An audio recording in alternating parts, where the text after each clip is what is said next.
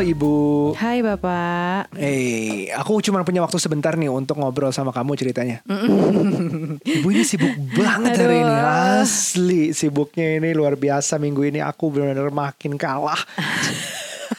Gak apa-apa Bu, tolong berikutnya bisa beliin aku sepeda PS5 sama tanaman ya di belakang ya. Aduh, gimana dong duitku gak nyampe semuanya. Kan di situ sibuk. Oke. Sibuk tuh belum tentu duitnya banyak Oh tahu. iya, kenapa? Karena kita harus menyimpan untuk kita sebagai generation sandwich.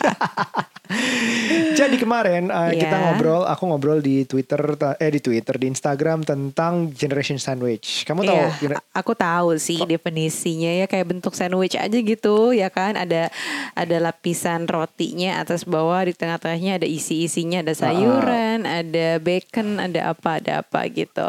Betul. Uh, bacon. Oke, em, jadi generation sandwich itu sebenarnya tahun 80-an itu dipopulerkan oleh seseorang yang bernama Dorothy Miller dan Elaine Brody di tahun 81-an. Jadi dia bilangnya bahwa eh, ini ini sebenarnya awalnya bukan financial, awalnya adalah perempuan yang 30 tahunan yang biasanya mengurus anak aja mulai kerasa beratnya mengurus yang ke atas gitu. Oh. Jadi fisik juga jadi fisik kayak waktu eh, misalnya ca- capean ngurusnya eh, energinya segala macam tapi yang paling terasa berat yang jadi top- topik adalah finansial Oh iya Gitu. sih, tapi kalau di budaya Barat sebenarnya nggak kayak gitu-gitu banget kayaknya ya. Iya nggak sih? iya karena sebenarnya mereka mungkin baru sadar 80-an kita mungkin eh, generasi Indonesia udah lama banget tapi nggak pernah ada namanya aja Iya, iya, iya, ngerti sih zaman dulu tuh nggak ada namanya ya. Cuman emang sebagai kewajiban aja gitu ngurus orang iya tua. ya nggak jadi sih? karena orang tua itu kan eh, biasanya dari adat awal aja kita SMA nggak pernah ninggalin langsung langsung ninggalin rumah kan selesai SMA kalau Barat iya kalau kita tuh kayak masih tinggal bahkan nikah aja tinggal masih sama orang tua Iya Ah, ah, ada sih. yang masih kayak gitu. Ada yang kayak gitu. Nah, tapi ya mereka kayaknya baru mulai menyadari itu. Mereka baru bikin tahun 80-an kemarin. Tapi kita this condition is real, real real banget. Jadi dalam sa- macam-macam karena memang uh, orang tua mau sama anak lebih lama um, sampai selesai sekolah dan sampai menikah juga. Terus juga orang tuh uh, pendidikan finansial zaman dulu tuh belum terbuka sekarang, sebelum belum seteliterate sekarang. Jadi kayak nabung itu um, sedikit sekali yang mungkin dana pensiun. Dana pensiun tuh biasanya larinya dari kantor, ya kan? Kalau zaman dulu tuh udah dikumpulin nih. Kalau pensiun dapat duit banyak, duit pensiun gitu, duit pesa- bukan pesangon ya, duit pensiun lah ya. Tapi nggak pernah ada yang kayak generasi dulu tuh kayak nyimpen duit buat gue pensiun pakai pensiun. Itu masih semi- minim angkanya. Hmm, Jadi yang kayak dari gaji gue potong lagi untuk tabung investasi Iya, pensiun. iya. Dulu mengharapkan dari kantor saja. Nah itu terus itu ya makanya kita tuh lebih ke arah kayak em, tiba-tiba orang tua bisa sakit, tiba-tiba orang tua itu bisa ditipu orang, tiba-tiba orang tua itu ada masalah. Jadi kita eh, generation sandwich itu adalah generation yang eh, membayari bawah dan atas. hmm, Ada ada ada macam-macam. Itu traditional sandwich, ada yang open sandwich, terus ada yang? Terima uh, bayarin atas dulu. Misalnya nah ini orang-orang yang mungkin um, belum nikah. belum nikah terus bayarin orang tuanya orang tuanya udah butuh.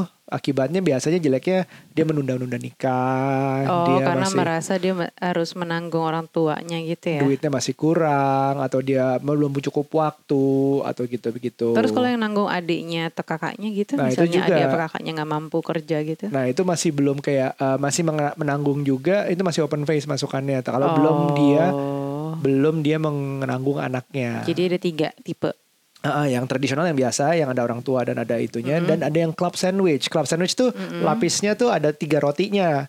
Jadi eh, paling bawah roti, terus isi roti lagi, isi lagi roti lagi. Wow, apa aja tuh berarti? Jadi kalau di terms eh, ini berguna untuk kalau yang bayar bayarin anak, bayarin orang tua dan bayarin plusnya. Plusnya itu bisa adik, sepupu, saudara, Wow. teman. Ada yang begitu. Bebannya banyak banget. banyak banget dan ini eh, dan ini aku bertanya-tanya kemarin ah, kalian mau cerita apa segala macam salah satunya ada yang cerita bahwa dia sampai KTA minjem duit selama belasan tahun baru jalan 2 tahun masih kayak ya kalau nggak salah 12 tahun ya dia baru jalan 2 tahun dia masih ada 10 tahun lagi bayar KTA-nya itu dan dia em, tiba-tiba bapaknya ma- mau bisnis lagi Wow. jadi itu karena bayar pinjam KTA-nya itu Karena karena bapaknya bayar karena kena bapaknya tipu bisnis Ah, ah. gitu ya. Entah kena tipu, entah gagal, entah apa tapi bapaknya butuh duit sehingga dia bayarin. Oh. bayarin utang bapaknya gitu. Tapi tiba-tiba mau bisnis lagi sama partner yang sama dia bilang yang pernah gagal itu. Mhm. Ya dia udah mulai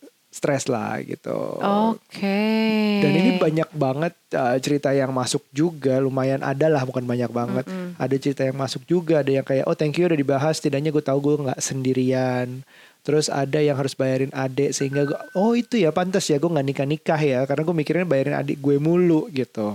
Oh wow, tapi bab sebenarnya ya, aku kadang mikirnya, em, ya mungkin saat ini kita masih cukup beruntung gitu ya dengan orang tua kita yang dua-duanya masih sehat, ya kan? Papa mama kamu masih, ya papa kamu ada cancer, cuman maksudnya relatif oke lah, bukan yang kayak ter apa namanya di tempat tidur atau apa nggak bisa ber- nggak bisa beraktivitas, tapi kan papa kamu masih aktif walaupun cancer survivor kan, Iya. dan mama papaku juga alhamdulillah masih sehat. Papaku masih aktif kerja. Terus mama kamu juga masih aktif kerja Masih aktif, gitu kan. heeh.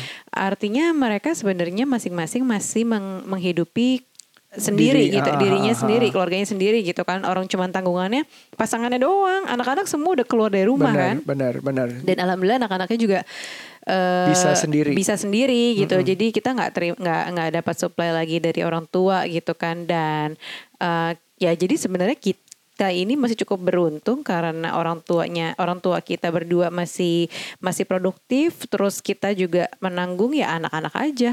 Iya benar. Jadi jadi setidaknya itu yang kita lakukan untuk membantu orang tua dengan kita tidak membebani apa-apa lagi. Tapi itu Iya. tahap dasar banget karena aku tuh memahami bahwa orang tua aku ini obatnya mahal, bapakku tuh Iya obatnya sih. mahal. Saat ini mereka masih mampu, tapi sampai kapan? Betul. Nah itu kita tetap makanya kita punya tabungan yang arahnya juga nanti ke situ gitu. Ya mungkin dipakainya Oh.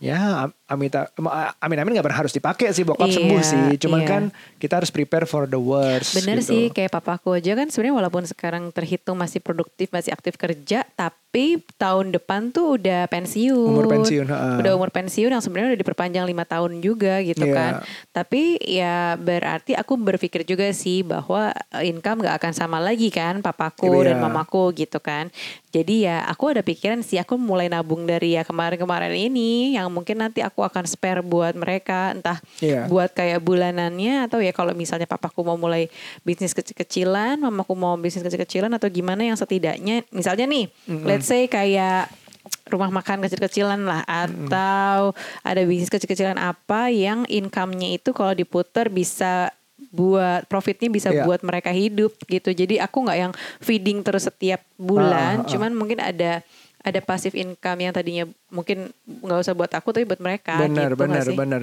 ya itu juga Di- dia kan juga pasti um, uh, rencana juga punya mungkin punya duit duit pensiun mungkin cuma punya aset yang ada tapi ya alangkah baiknya kalau kita bisa terus um, ikut ngebantu nantinya gitu Iya. nah um, ini tuh aku pengen omongin kenapa karena um, aku baca banyak artikel yang menyarankan solusi-solusinya Aku nggak berani menyalahkan solusi karena aku bukan financial planner dan nggak tahu ini sangat personal masing-masing seperti apa. Tapi aku mau bacain beberapa seperti kayak pertama financial planning itu penting. Uh, misalnya bokap dalam keadaan kayak gimana, ya harus dipecahkan bareng-bareng dengan financial planning. Entah itu yang kayak KTA tadi, setidaknya dia menemukan solusinya dia, yaitu dengan minjem duit, terus yang anaknya bayarin per bulan, per bulan, per bulan gitu. Ya harus ada keterbukaan, harus ada ngobrol untuk menyelesaikan masalah Iya yang ada. sih. Utang utang bisnis lah, bangkrut lah, ditipu lah, kartu kredit lah, apa pun itu gitu. Terus ada juga yang penting menceritakan bahwa memutus mata rantai. Ah, dengan apa tuh cuek maksudnya apa bukan gimana? memutus mata rantai bukan ke atas, maksudnya mencegah kejadian ke bawah. Oh, jadi kita sendiri jangan sampai menjadi beban buat anak-anak. Walaupun Benar. mungkin sebenarnya buat anak-anak ya bukan beban. Kita juga nggak mau sih ada terminologi beban Iya, gitu kan buat uh-uh. anak kita. Dan mungkin orang tua kita juga sebenarnya tidak berniat kok buat membe- Pasti. membebankan kita gitu kan. Tapi ya eh, sebenarnya aku lebih mikirnya adalah ngebantu orang tua tuh sama kayak meng apa ya bersyukur dan ya itu berbakti aja sama orang Iya, tua gitu. Benar, ada yang Iya bilang eh, ini berkah buat ngasih dikasih kesempatan untuk ngebantu orang tua. Iya, ada yang betul. bilang ah, ini simpel aja udah kewajiban kita sebagai anak. Eh, ada yang macam-macam bilangnya kayak gitu. Which is nggak salah sama sekali, benar. Tapi tetap aja nggak bisa kayak ya udahlah pasrah aja terima. Lebih ke arah kayak harus ada planningnya. Gimana caranya mau kayak gini kayak gini gitu. Gimana caranya mau bayarin utang orang tua? Gimana caranya mau bayarin mereka? Kita harus ngapain? Toh kita juga harus secure diri sendiri dan secure anak. Jadi um, bukan untuk dianggap sebagai uh, apa ya namanya ya? Mungkin istilahnya bukan bencana, Iya. tapi lebih ke arah kayak oh ini tantangan yang harus dijalani tapi harus diselesaikan. Nah, um, sama kayak kita ngomong uh, ada rezeki anak tenang aja. Sebenarnya bukan kayak gitu. Rezeki anak itu yang aku percaya adalah dengan punya anak kita punya uh, dua hal. Satu pressure tambahan kerja Ya. ada orang yang kerjanya dengan pressure jadi lebih baik. Kedua adalah happiness. Kalau cocok chemistry-nya sama anak sama pasangan segala macam, happiness bikin kerja lebih baik juga. Bener sih. Akibatnya ada rezeki buat kita. Itu yang bagi aku aku terimanya rezeki anak tuh seperti itu. Iya. Sama seperti kayak misalnya ngurus berkah orang tua ini aku ngelihatnya kayak oke ini tantangan buat kita untuk belajar gimana caranya mecahin masalah orang tua ini tanpa berantem sama orang tua. Nah, itu susahnya di situ. Hmm. Jadi challenge-nya di situ. Jadi lebih ke arah kayak um, daripada kita ngomongin misalnya harus apa nih, harus financial planning, harus minta bantuan saudara atau uh, teman atau apa, atau harus memutus mata rantai. Back to basics lagi yang seperti kita omongin di podcast kita yang shitty shitty but important Iya. questions adalah keterbukaan sepenuhnya. Hmm. Nah itu yang itu yang mendasari semuanya. Kalau itu dapat, semoga yang lainnya harusnya nyusul lebih lancar. Hmm. Karena keterbukaan antara pasangan aja udah nggak nggak 100% gampang. Hmm. Jadi kayak ada beberapa pasangan yang terima tutup-tutupin, terima jadi aja sebagai pasangan untuk oh yang Iya, penting gue dapat kiriman duit, betul. yang penting kelihatan suami gue kerja misalnya, A- a- atau yang yang ya pokoknya banyak banget lah. Apalagi yang lebih berat lagi tuh komunikasi antara orang tua ke anak dalam hal orang tua tuh juga ada yang apa ya ini istilahnya orang tua tuh ada juga yang kayak gue melakukan apa saja buat kebahagiaan anak gue anak gue nggak usah tahu lah gue kayak gimana. Gue sesusah apa gue sestres apa gue Iya. ngutang ke siapa gue minjam apa itu bisa juga terjadi gitu. Iya, dan em, mm, nah ini sebenarnya yang suka yang suka pada DM ke Parent Talk adalah kasus-kasus di mana ini biasanya curhatan ibu-ibu ya yang masuk ke Parent Talk ya. Eh, Bapak-bapak jarang banget ada curhat, cuman maksudnya dari dari ibu-ibu tuh suka curhat bahwa suaminya ketahuan ngasih uang ke ibunya kayak gitu-gitu. nggak Nah, bilang misalnya nggak bilang. Ah, ah. Nah, aku tuh bingung kalau kayak gitu-gitu.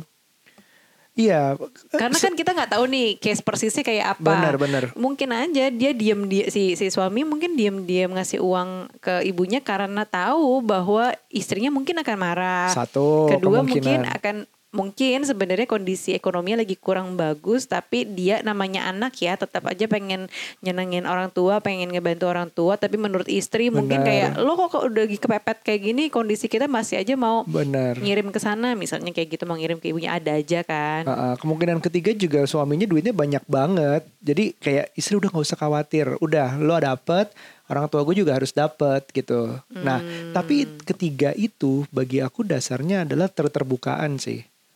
Iya Jadi kalau tahu persis terbuka sepenuhnya dari awal, misalnya suami gajinya berapa, ngasihnya ke siapa aja, keadaannya seperti apa, dan tambah kalau bisa tahu keadaan orang tuanya persis seperti apa juga. Nah, tapi masalahnya juga adalah yang menjadi basic masalah tuh kadang-kadang hubungan mertua dan mantu nggak bagus Iya, sehingga benar. kalau misalnya si suaminya kirim uang ke ibu mertua, mau itu terbuka, mau nggak terbuka, intinya jadi kesel karena Hmm. mungkin hubungannya si istri ini nggak bagus gitu loh sama, sama mertuanya. Aduh, ngapain sih lo ngirim-ngirim kayak gitu-gitu kan kita juga punya keluarga sendiri yang Benar. punya banyak pengeluaran misalnya gitu. Jadi malah kompetisi kayaknya ya Iya. antara kenapa ya Atau ada juga justru yang aku dengar juga curhatannya bahwa mertuanya tuh eh, sangat intervensi dalam keuangan eh, keluarga anaknya ini gitu. Benar. Jadi suka nanya-nanya lah kayak "Eh, ini pengeluarannya mahal banget sih misalnya gitu kan. Ah. Terus oh pakai mbak nih mbaknya ada dua, itu kan mahal banget misalnya jadi kayak Iya. intervensi. Terus kalau enggak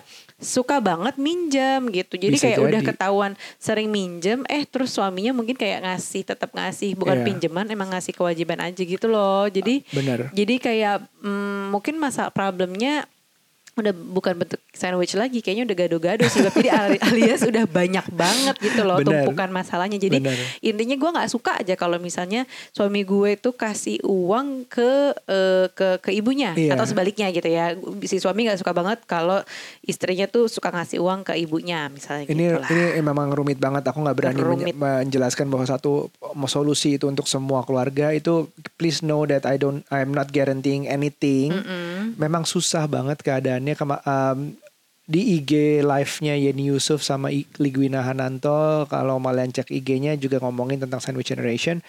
Um, Wina juga menjelaskan ulama besar juga pernah menjelaskan bahwa anak durhaka itu ada, tapi orang tua durhaka itu juga ada. Hmm. Jadi orang tua yang misalnya uh, secara verbal keras ke anaknya atau secara fisik uh, kasar ke Kasar, anaknya iya, atau iya, iya. macem-macem ada 18 kategori kalau nggak salah dia sebutin dia uh, nanti kalian cari sendiri.